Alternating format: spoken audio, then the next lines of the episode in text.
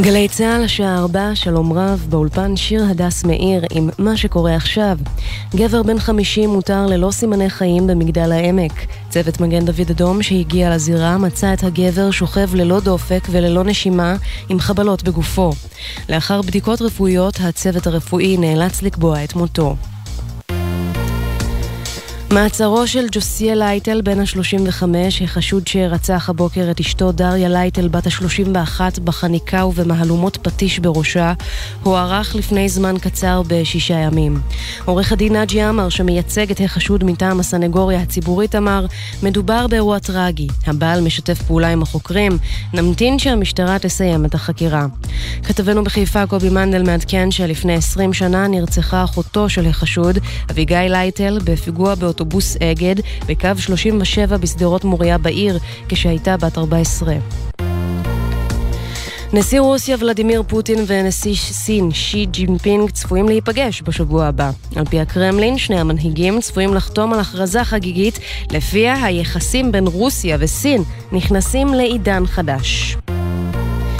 רוכב אופנוע בן 21 נפצע באורח בינוני מפגיעת רכב ברחוב הסיבים בפתח תקווה. צוות מגן דוד אדום פינה אותו לבית החולים בלינסון בעיר עם חבלות בראש ובגפיים.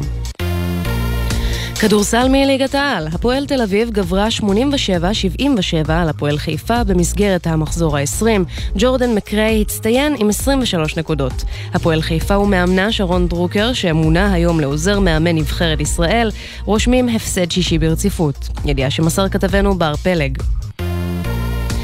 כ-30 אלף אנשים השתתפו במרתון ירושלים היום, 14 ממשתתפי המרוץ פונו על ידי צוותי מגן דוד אדום לבתי החולים בירושלים. כתבתנו בבירה נועה ברנס מוסיפה כי חמישה מהם פונו במצב בינוני לאחר שנפגעו ממכת חום, אחד במצב קל, ועוד תשעה שחשו ברע או נחבלו קלות. מזג האוויר מעונן חלקית עד בהיר, עם עלייה בטמפרטורות. ואלה זמני כניסת השבת, ויקהל פקודה. שבת חזק ושבת פרשת החודש. בירושלים, ב-5 ו-8 דקות, בתל אביב ובבאר שבע, ב-5 וחצי, ובחיפה תיכנס השבת, ב-5 ו-19 דקות. ואלה זמני צאת השבת מחר, בירושלים ב-6.24, בתל אביב ובבאר שבע ב-6.26, ובחיפה תצא השבת מחר ב-6.25. לכל מאזינינו, שבת שלום. אלה החדשות שעורכת עינב קרנר.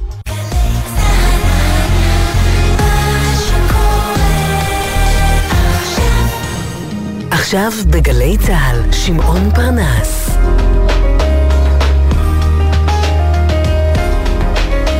הבית של החיילים, גלי צה"ל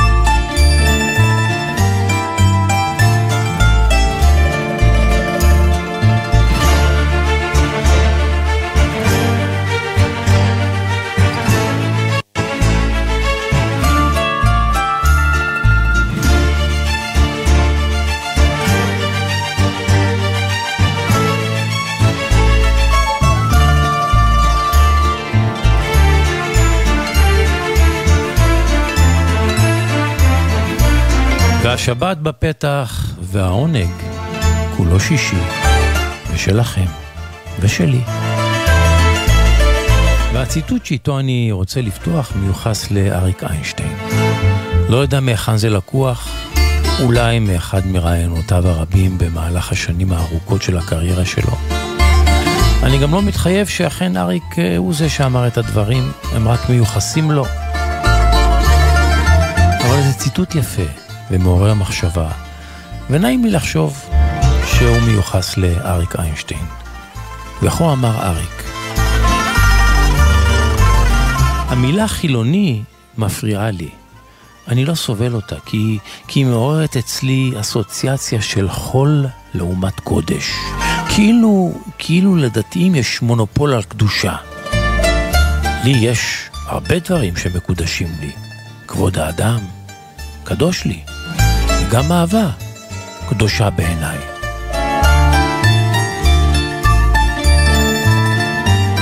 המילה חילוני מפריעה לי. אני לא סובל אותה כי היא מעוררת אסוציאציה של חול לעומת קודש. כאילו לדתיים יש מונופול על קדושה.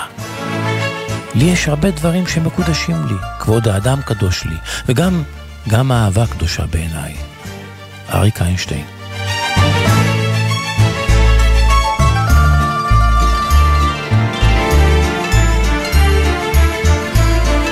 אתם על עונג השביעי בגלי צה"ל, שישי שבין ארבע לחמש.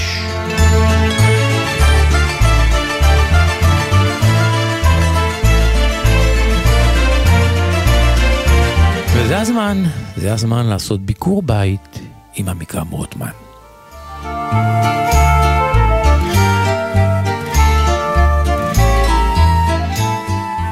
שלום שמעון, ביקור בית בבית קפה קטן שבו אני נוהג לשבת ולפעמים גם לכתוב. על דש בגדה של הבחורה שמקבלת הזמנות היה רשום השם שלה נדין. היא שאלה, לקחת או לשבת? אמרתי לשבת. ביקשתי קפה הפוך גדול ושיהיה רותח, כמו תמיד. היא אמרה את הסכום לתשלום, אמרתי, את לא שואלת לשמי? היא אמרה, אתה לא יעקב? אמרתי, לא, אני לא יעקב. היא אמרה, אז למה רשמתי יעקב? אולי מישהו צעק בחוץ או בפנים? אבל אני לא יכולה עכשיו לתקן. אמרתי לה, זה בסדר. אבל שרק אני לא אשכח שיקראו, אה, שאני אדע שזה אני. כשקראו ברמקול יעקב, כמעט שכחתי מהעניין, אבל היא נופפה לעברי בידה ושנינו חייכנו, כמו שומרי סוד משותף, והברמנית אמרה, זה חם מאוד, כמו שביקשת, יעקב. למחרת שוב הגעתי לאותו מקום. שוב עמדה שם נדין, זאת שמקבלת את ההזמנות. הפעם היא לא שכחה, והיא אמרה, עכשיו תגיד את השם האמיתי. אמרתי לה, לא, למה? זה עלול לבלבל אותי. אולי בכל זאת כדאי שאני אשאר יעקב? היא משכה בכתפיה. מה שתגיד. וכשההוא ברמקול קרא יעקב, קמתי כמו חייל והלכתי לקבל את המגש. נדין חייכה וקרצה לעברי, והיינו שוב כמו שני שותפי סוד. ככה הרווחתי שני חיוכים בעזרת השם יעקב. שבת שלום. העונג השישי, תמנת צורי, מפיקה. מוטי זאדה הטכנאי. כאן ואיתכם שמעון פרנס, והעונג, העונג כולו שישי.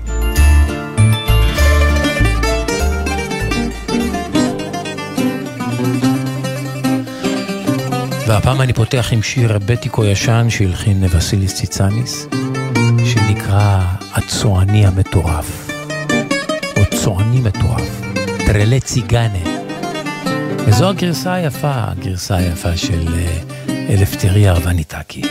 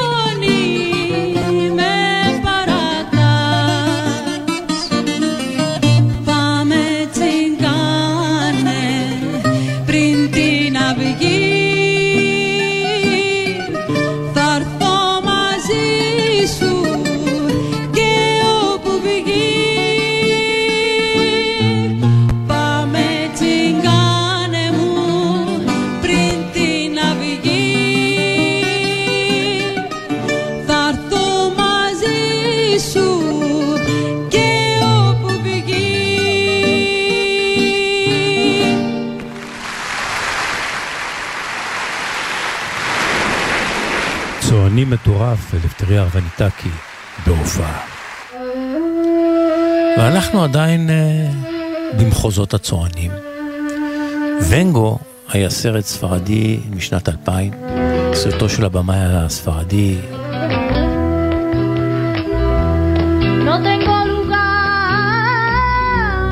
טוני גטליף. וזה היה השיר הנושא מתוך הסרט, נאסי נעלמו, נולדתי בעלמו. במקור זה שיר אה, יווני ששרה אלני ויטלי, שירו של הצועני. וטוני גטליף בחר לה, להפוך את השיר הזה בספרדית לשיר הנושא מתוך הסרט ונגו, סרט שמספר אודות שני, שתי משפחות uh, צועניות שמתחוללים ביניהם, ביניהם מאבקי כוח.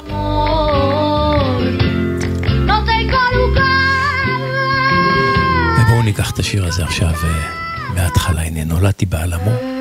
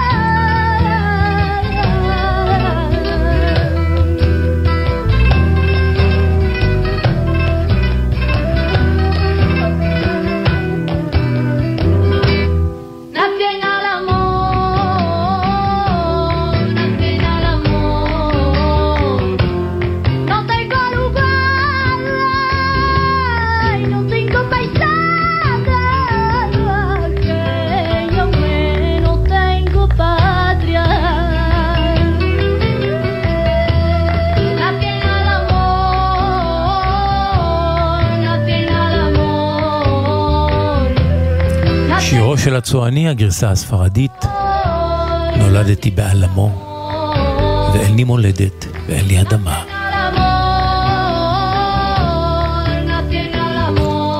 כאמור, שיר הנושא מתוך הסרט ונגו, שנת 2000.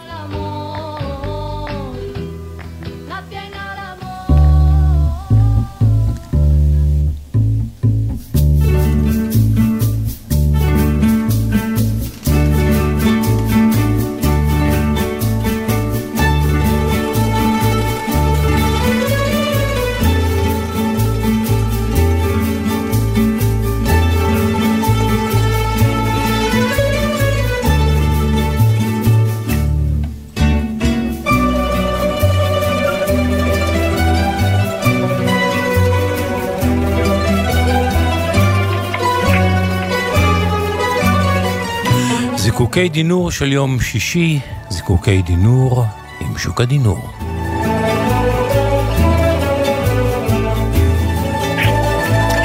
שוק הדינור, עוד מעט שבת שלום לך. כמעט שבת שלום גם לך, שמעון. והזיקוק שאני מעלה היום, קראתי לו ללכת את החיים ולהתבונן בהם מזווית אחרת. טוב. זה, זה מעין סיפור בתוך סיפור. לפני ארבע שנים הזכרתי כאן את מיכאל גרטנר, שהיה הנשיא לשעבר של רשת החדשות NBC בארצות הברית, שסיפר שאבא שלו חדל מנהיגה כשהיה בן 25. בימים ההם, כך אמר לו אבא שלו כשהוא היה בן 90, לנהוג ברכב היית צריך להשתמש בידיים, גם ברגליים וגם להביט לכל, הכיו... לכל הכיוונים. ואז החלטתי שאתה יכול ללכת את החיים וליהנות מכך. או לנסוע את החיים ולהחמיצם. והמשפט התמים הזה, החכם בעיניי, מכירת ביעל, אבל לא השכלתי לממש אותו. וראה איזה פלא, בתקופה האחרונה בקשישותי, אני מוצא את עצמי יותר ויותר מרגיע, הולך את החיים. והנה אפילו נפלו לידיי שתי הזדמנויות מטאפוריות להמחיש את הרעיון. כפי שאתה יודע, שמעון, אני במשך שנים שיחקתי כדורגל. כן.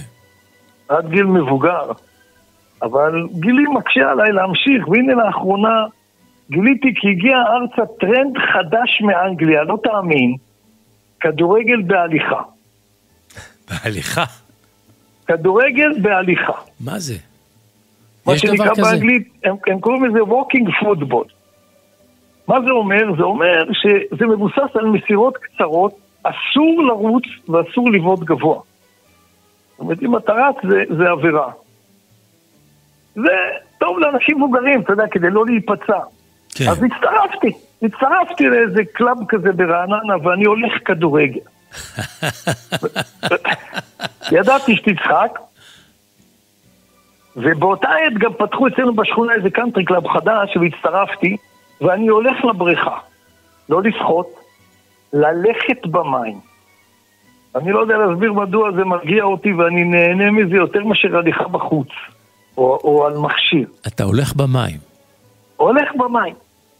וכך אני מוצא את עצמי לאחרונה הולך במים, הולך בכדורגל, ונזכר במשפט המופלא הזה שהזכרתי בהתחלה, ללכת את החיים וליהנות מהם. מה מתברר? מתברר שההליכות האלה מזמנות לי גם אנקדוטות וסיפורים. הרי לשם פנינו מועדות. אכן. אז הנה, לפני מספר ימים אני צועד במי הבריכה, ואז נכנסת לשחות במסלול שלידי אישה, בערך בת גילי. אני אדם מלומד, אני נד בראשי לשלום כשי, כשאני חולף על פניה. ואז היא אומרת לי במבוכה קצת קיר במים כשנכנסים, והיא מרטיבה באיטיות את בגד הים שלה.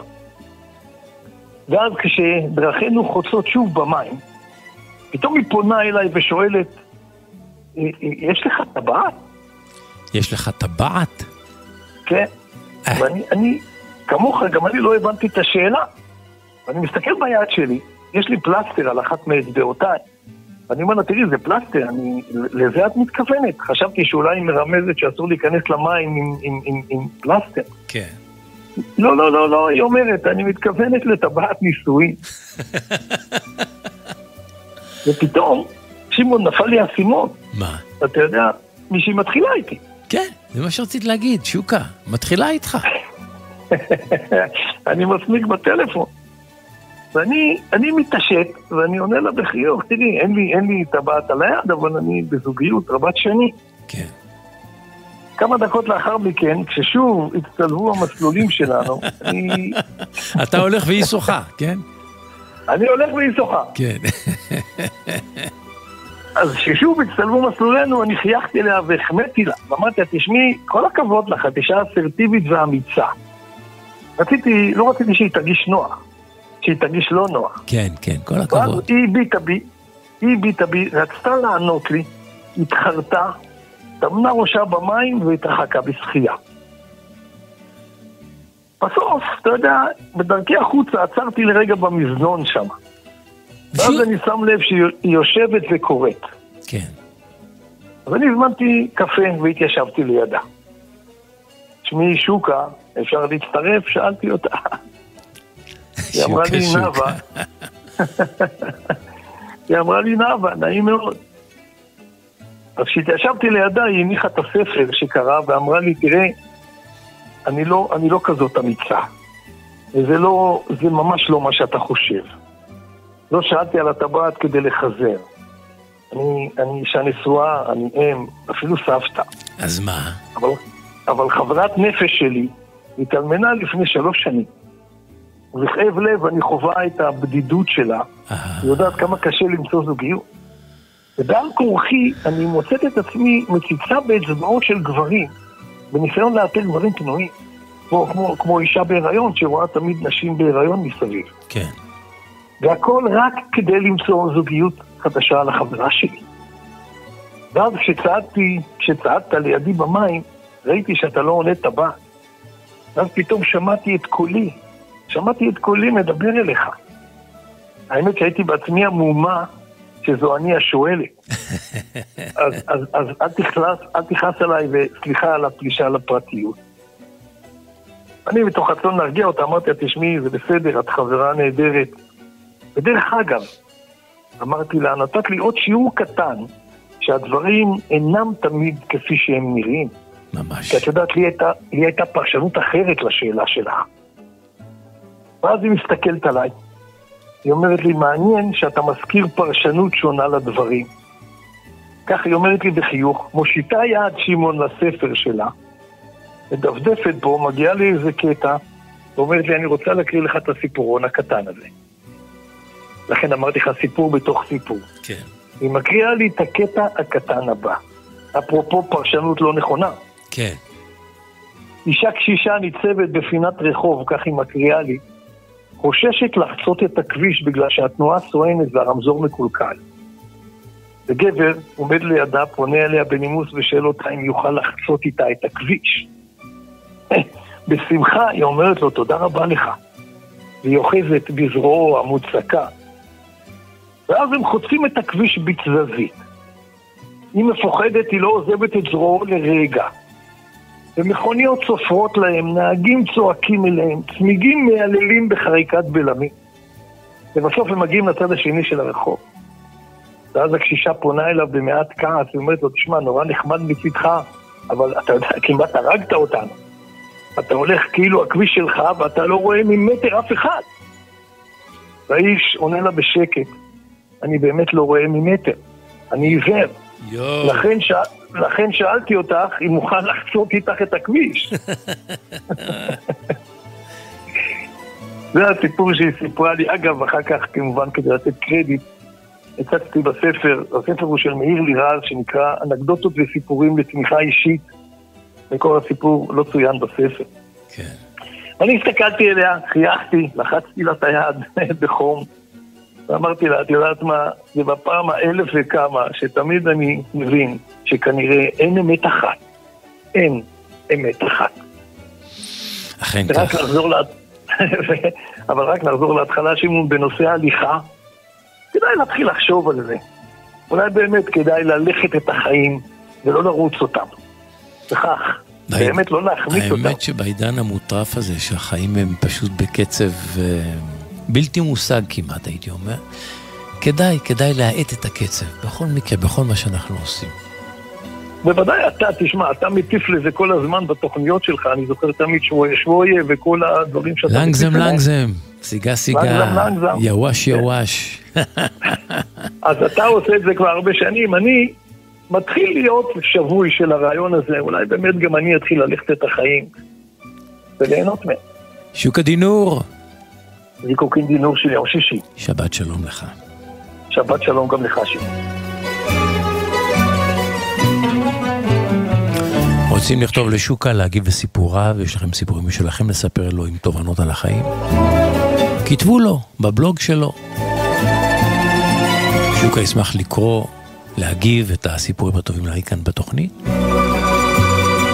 הסיפורים הללו של אה, שוקה נמצאים גם, אה, מוצאים גם כפודקאסט להאזנה. נמצאים גם בספוטיפיי ובאפל. תנסו לגוגל והקשיבו לעשרות עשרות מסיפוריו.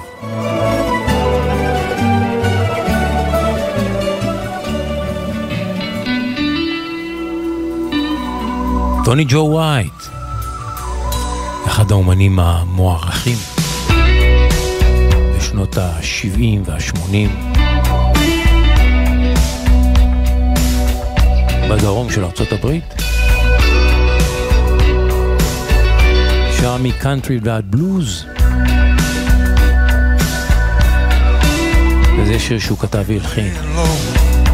Ain't going down this time. לא, לא, אני לא הולך ליפול הפעם.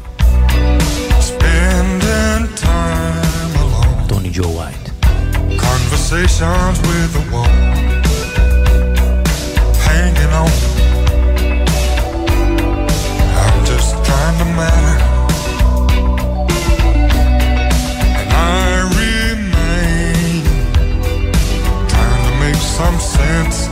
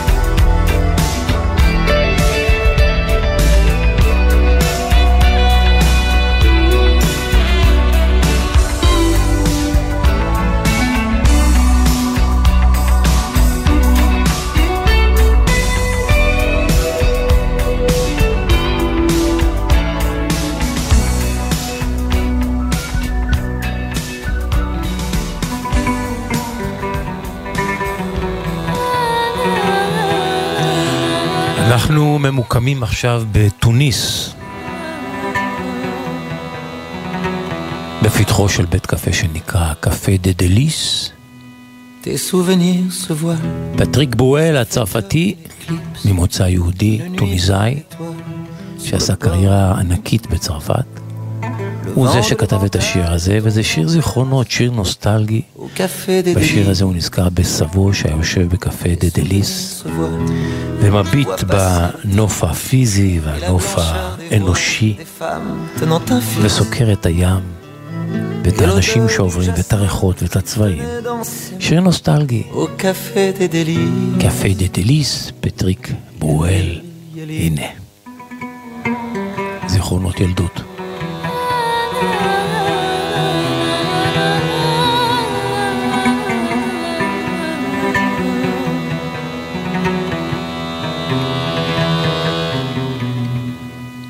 Tes souvenirs se voilent, ça fait comme une éclipse, une nuit pleine d'étoiles sur le port de Tunis. Le vent de l'éventail de ton grand-père assis au café des délices. Tes souvenirs se voilent, tu vois passer le tram et la blancheur des voiles des femmes tenant un fils et l'odeur du jasmin tenait dans ses mains au café des délices. Yalil, yalil, habibi yalil, yalil, yalil, habibi yalil, yalil, yalil, habibi yalil, yalil, yalil, yalil. Tes souvenirs se voilent tu la revois, la fille, le baiser qui fait mal à Port El Cantaoui. Les premiers mots d'amour sur des chansons velours. Habibi, Habibi. Tes souvenirs se voilent, tu les aimais, ces fruits. Les noyaux d'abricots, pour toi, c'était des billes. Et les soirées de fête qu'on faisait dans nos têtes aux plages d'Amamet. يا الليل يا ليل حبيبي يا ليل يا الليل يا ليل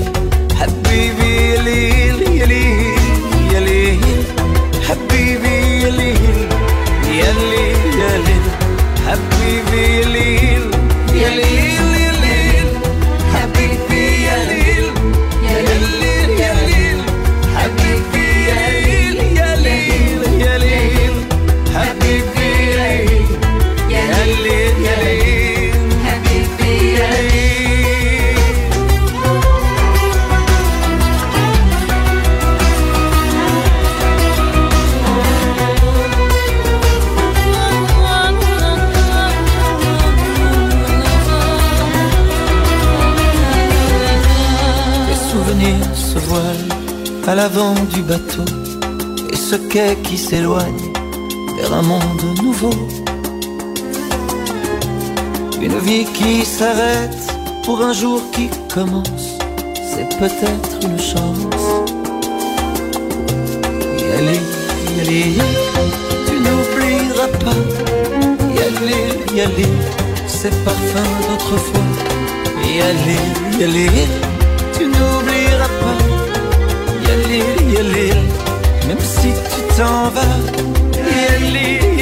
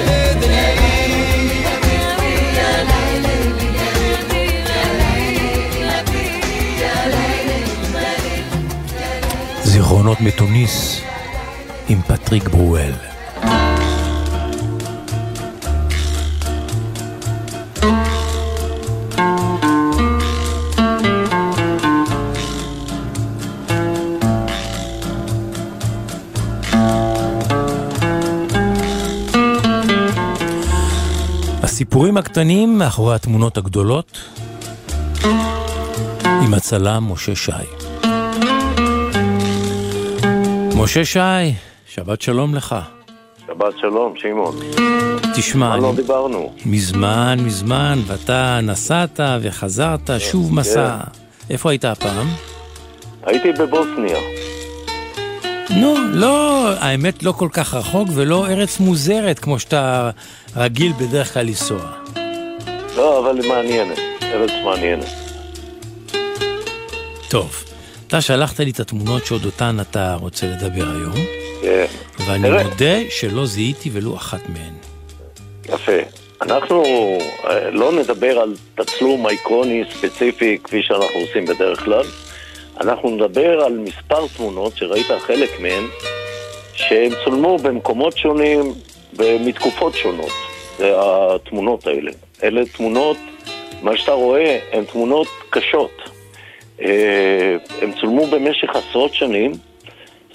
זה, אה, התמונות האלה אה, קשורות לסיפור עגום, בלתי נתפס, תופעה גזענית, מתנשאת ומכוערת מההיסטוריה של מערב אירופה וארצות הברית. ואני מדבר על תופעה שנקראת גני חיות אנושיים. שמעת על התופעה הזאת? לא גני חיות אנושיים? כן. מה זאת אם אומרת? תקליט בגוגל גני חיות אנושיים בעברית, בכל שפה, אתה תגיע לדבר הזה.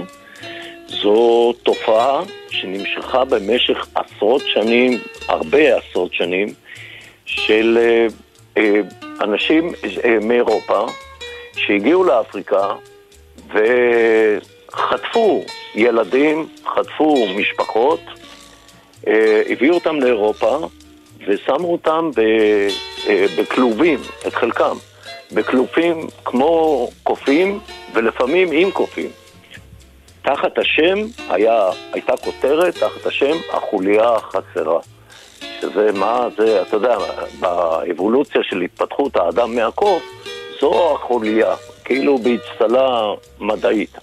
תראה, אני אגיד לך, התחיל הסיפור הזה אצלי, שאם אתה זוכר, לפני כמה חודשים חזרתי ממסע צילומים בקונגו, כן. ואני, מאז שאני, בשנים האחרונות שאני מרצה ומעביר הרצאות, למדתי להעמיק, לחקור מראש, וגם תוך כדי ואחרי הנסיעה, אה, להבין לאן אני נוסע באמת. לא כמו שפעם רק הייתי מצלם וחוזר, היום אני גם מבין מה אני מצלם. הרבה יותר טוב. ו... ונסעתי לקונגו ועליתי על הסיפור הזה, אה, שאז לצורך הנסיעה הספציפית הזאת לא היה רלוונטי לגביי כי הוא היה מההיסטוריה. אבל הסיפור המשיך להדהד לי בראש עד עכשיו. והוא קשור לקונגו ולאפריקה בכלל. וגם כאן אה, חקרתי לעומק את העניין הזה. זו תופעה שהאמת, אני שמעתי עליה בעבר. זו תופעה אכזרית נורא, שלקחת, תאר לעצמך שמחר באים אנשים זרים עם יבשת אחרת, חוטפים אותך ושמים אותך בכלוף, תחת הכותרת החוליה החסרה. זו תופעה שהתחילה, החלה בסוף המאה ה-19, 1884, 85, שהייתה ועידת אה, ברלין, שנקראה ועידת קונגו. אה, הם חטפו מכל מיני מקומות באפריקה, לא רק בקונגו, אבל קונגו היה אה, די... אה, אה, ועידת ברלין הזאת החליטו אה, אה, מדינות אה, מערב אירופה על חלוקת הקולוניות שלהם באפריקה. אה, פשוט ככה, הם לא שאלו אף אחד, לא היה הסכם, הם פשוט חילקו ביניהם את המדינות, מי יהיה איפה, התחלפו ביניהם, והם בעצם, אירופה התייחסה אל אפריקה כאל סופרמרקט חינמי שאפשר לעשוק, לשדוד, והסופרמרקט החינמי הזה, יש בו הרבה מאוד מחצבים עשירים וכוח עבודה זול, ותושבים שברובם לא התנגדו, אבל אלה שהתנגדו, הם פתרו את זה נורא פשוט, הם טבחו בהם, עינו אותם, טבחו בהם, ואז דיברתי על זה בקונגו, הגדילו לעשות הבלגים דווקא, שהם אה, אה, טבחו אה, בין עשרה לחמישה עשר מיליון מקומיים. שואה אמיתית הייתה שם, אבל אין תיעוד. אין להם יחסי ציבור, אף אחד לא מדבר על השואה שהיום הבלגים, תראה, כל מדינות אירופה מנסות לטשטש את מה שקרה ב- באפריקה. את הקולוניאליזם באפריקה, כן. כן. מה, מה שקרה, הם uh, פשוט לקחו את האנשים האלה והציגו אותם בגני חיות, בירידים, בקונגרסים למיניהם, ומכרו הרבה מאוד כרטיסים, כך שבמשך כאילו מה, השנים... מה, מה היה חריג בלראות אותם? אני מניח שהעמידו אותם עירומים לחלוטין, כמו שרואים בתמונות. חלק כן, חלק לא, אה, אה, פשוט, אה, אה, תראה, אז אירופה, אני מדבר איתך סוף המאה ה-19 ותחילת המאה ה-20, לא היו שחורים באירופה בכלל. היו מעט מאוד תמונות, טלוויזיה לא הייתה. הייתה להם אפשרות לחזות באנשים שחורים אמיתיים. אנשים שילמו הרבה כסף, במצטבר יותר, למעלה ממיליארד וחצי איש, אירופאים לבנים, הלכו וחזו האנשים המסכנים האלה, שחטפו אותם מאפריקה, חלקם לא נחטפו, חלקם פוטו על ידי אמרגנים מרושעים שהבטיחו להם ערים וגבעות, לקחו אותם, ניצלו אותם וזרקו אותם לרחובות חסרי קול, חסרי אבל כבוד. בתמונות שאתה שלחת לי, אני רואה אנשים, עומ- נשים וגברים עומדים עירומים, בעיקר נשים, כן. שבדרך כלל יש איזשהו אמ, סממן אה, גופני, לפחות אצל חלק מהם, שהוא כאילו בולט, למשל ישבנים גדולים ובולטים. או, או, היה, היה סיפור, אה, תראה, יש הרבה סיפורים בעניין הזה, אבל היה סיפור של אישה בשם שרה בארט, אה, בארטמן מדרום אפריקה, שרופא של ספינה אה, פיתה אותה להיות המשרתת שלו בקייפטאון, אבל הוא עבד עליה בעיניים ולקח אותה לאנגליה. והוא הציג אותה כתופעה שלא הייתה מוכרת באירופה, של אישה גדולה, שחורה, עם שפתיים עבות ועם ישבן ענק. כאילו באצטלה מדעית של בואו תראו סוג אחר של אנשים, לא מפותחים, פרימיטיביים, והוא לקח והציג אותה גם בפריז וגם במקומות אחרים, ועשה עליה הרבה מאוד כסף. תשמע, זה הזאת- גם גזעני וגם רוע אנושי צרוף. ממש רוע מזוקק, הייתי קורא לזה. ו... ואחרי שהוא ניצל גם אותה, הוא פשוט אה, שלח אותה. עכשיו היא חסרת זהות, חסרת אה, מקום, חסרת... והיא אה, עברה תקיפות מיניות ועבדה בזנות, ובגיל 26 בסך הכל, היא מתה מזיווה, מסיפליס. היא מתה, והגדילו לעשות, בזה לא יסתיים הסיפור שלה. לקחו את גופתה והציגו את זה במוזיאון עד 1976. את הגופה.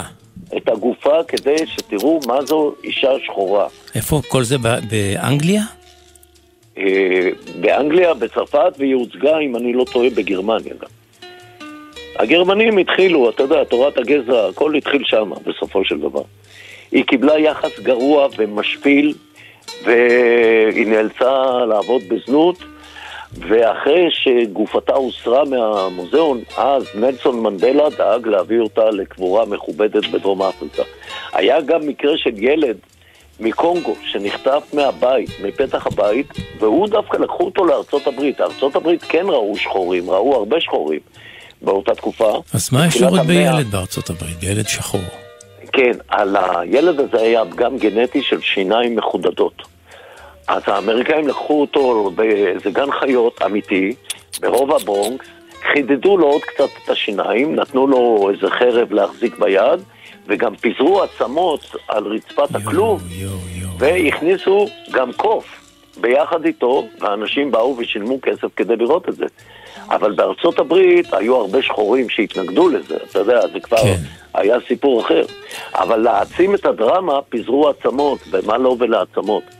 ובאיזשהו מקום חסו עליו, הוא נשלח לבית יתומים, אבל היה חסר זהות, מאוד רצה לחזור לקונגו, אף אחד לא עזר לו, אף אחד לא ספר אותו, והוא הגיע לגיל 32, אה, הגיע, תפס אקדח וירה בעצמו בסופו של דבר, זה מה שהיה.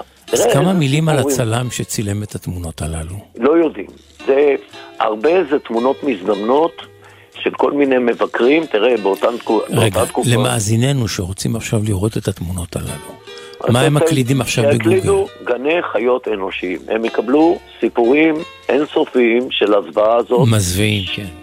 כן, שכל אירופה מנסה לטשטש, אבל יש מקומות ליד פריז שיש שם מחנה שלם, אה, אה, שפשוט סגרו אותו, שאף אחד לא יתקרב אליו, הם כולם מתנערים ממה שהם עשו מההיסטוריה הזאת. תראה, באיזשהו מקום, אני תמיד טוען שצריך לשפוט את הדברים על פי תקופתם. לא שזה מקל על האכזריות והרשעות שהם עשו, אבל תראה, היו גם תקופות עד לפני מספר שנים שאנשים מכרו ילדים כ... כעניין רגיל, גם דיברנו על זה פעם. משה, אתה שוכח שבימים אלו הסחר בבני אדם ברחבי העולם נמצא בשיאו, עדיין. עדיין, עדיין. עדיין סחר בבני אדם, כן, אבל נשים, גברים דברים. וילדים.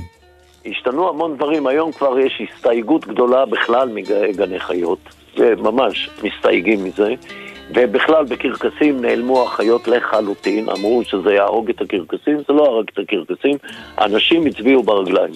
וכך מתחיל גם עם גני החיות, כי זה באמת כואב הלב לראות טיגריס בתוך כלוב קטן, זה נורא, הדברים האלה. היום גם, שהכל מצולם ואתה יכול לנסוע לחו"ל, תראה, באותן שנים אנשים, לא הייתה תיירות בכלל. אנשים לא ראו אנשים אקזוטיים. הביאו גם אסקמוסים, הביאו גם, אה, אסור לקרוא להם יותר אסקמוסים, הם קוראים להם אינואיטים.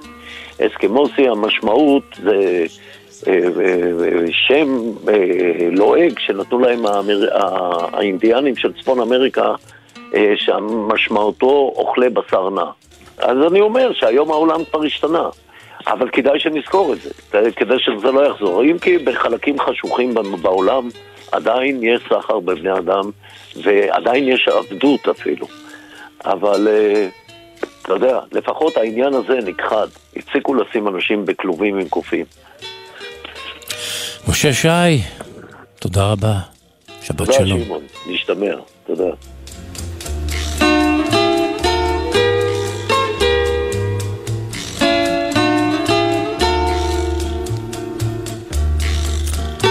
אתם מוזמנים להיכנס לאתר של משה שי,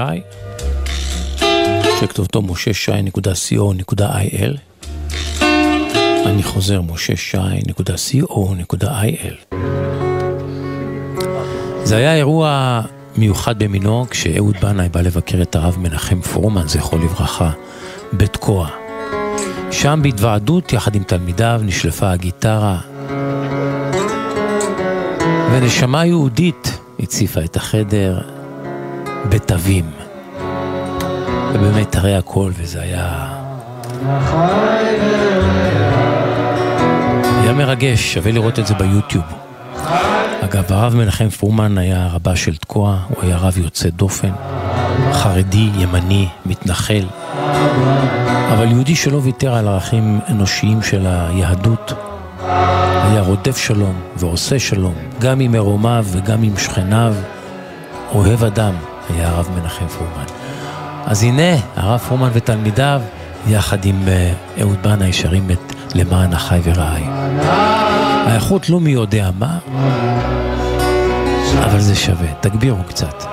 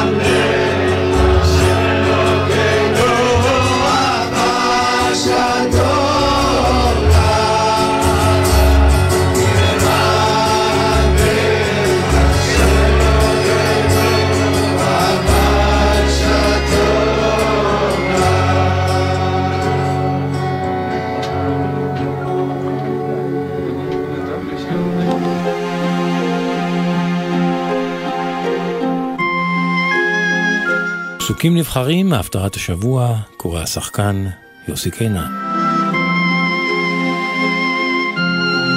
הפטרת ויקהל בספר מלכים א', פרק ז'. וישלח המלך שלמה, ויקח את חירם מצור. בן אישה אלמנה הוא, ממטה נפתלי, ואביו איש צורי חורש נחושת. וימלא את החוכמה ואת התבונה ואת הדעת לעשות כל מלאכה בנחושת. ויבוא אל המלך שלמה, ויעש את כל מלאכתו. ויצר את שני העמודים נחושת, שמונה עשרה אמה קומת העמוד האחד, וחוט שתים עשרה אמה יסוב את העמוד השני. ושתי חותרות עשה לתת על ראשי העמודים מוצק נחושת, חמש אמות קומת הכותרת האחת, וחמש אמות קומת הכותרת השנית. סבכים מעשי סבכה, גדילים מעשי שרשרות לכותרות, אשר על ראש העמודים, שבעה לכותרת האחת, ושבעה לכותרת השנית. ויקם את העמודים לאולם ההיכל, ויקם את העמוד הימני, ויקרא את שמו יכין, ויקם את העמוד השמאלי, ויקרא את שמו בועז. ועל ראש העמודים מעשי שושן, ותיתום מלאכת העמודים.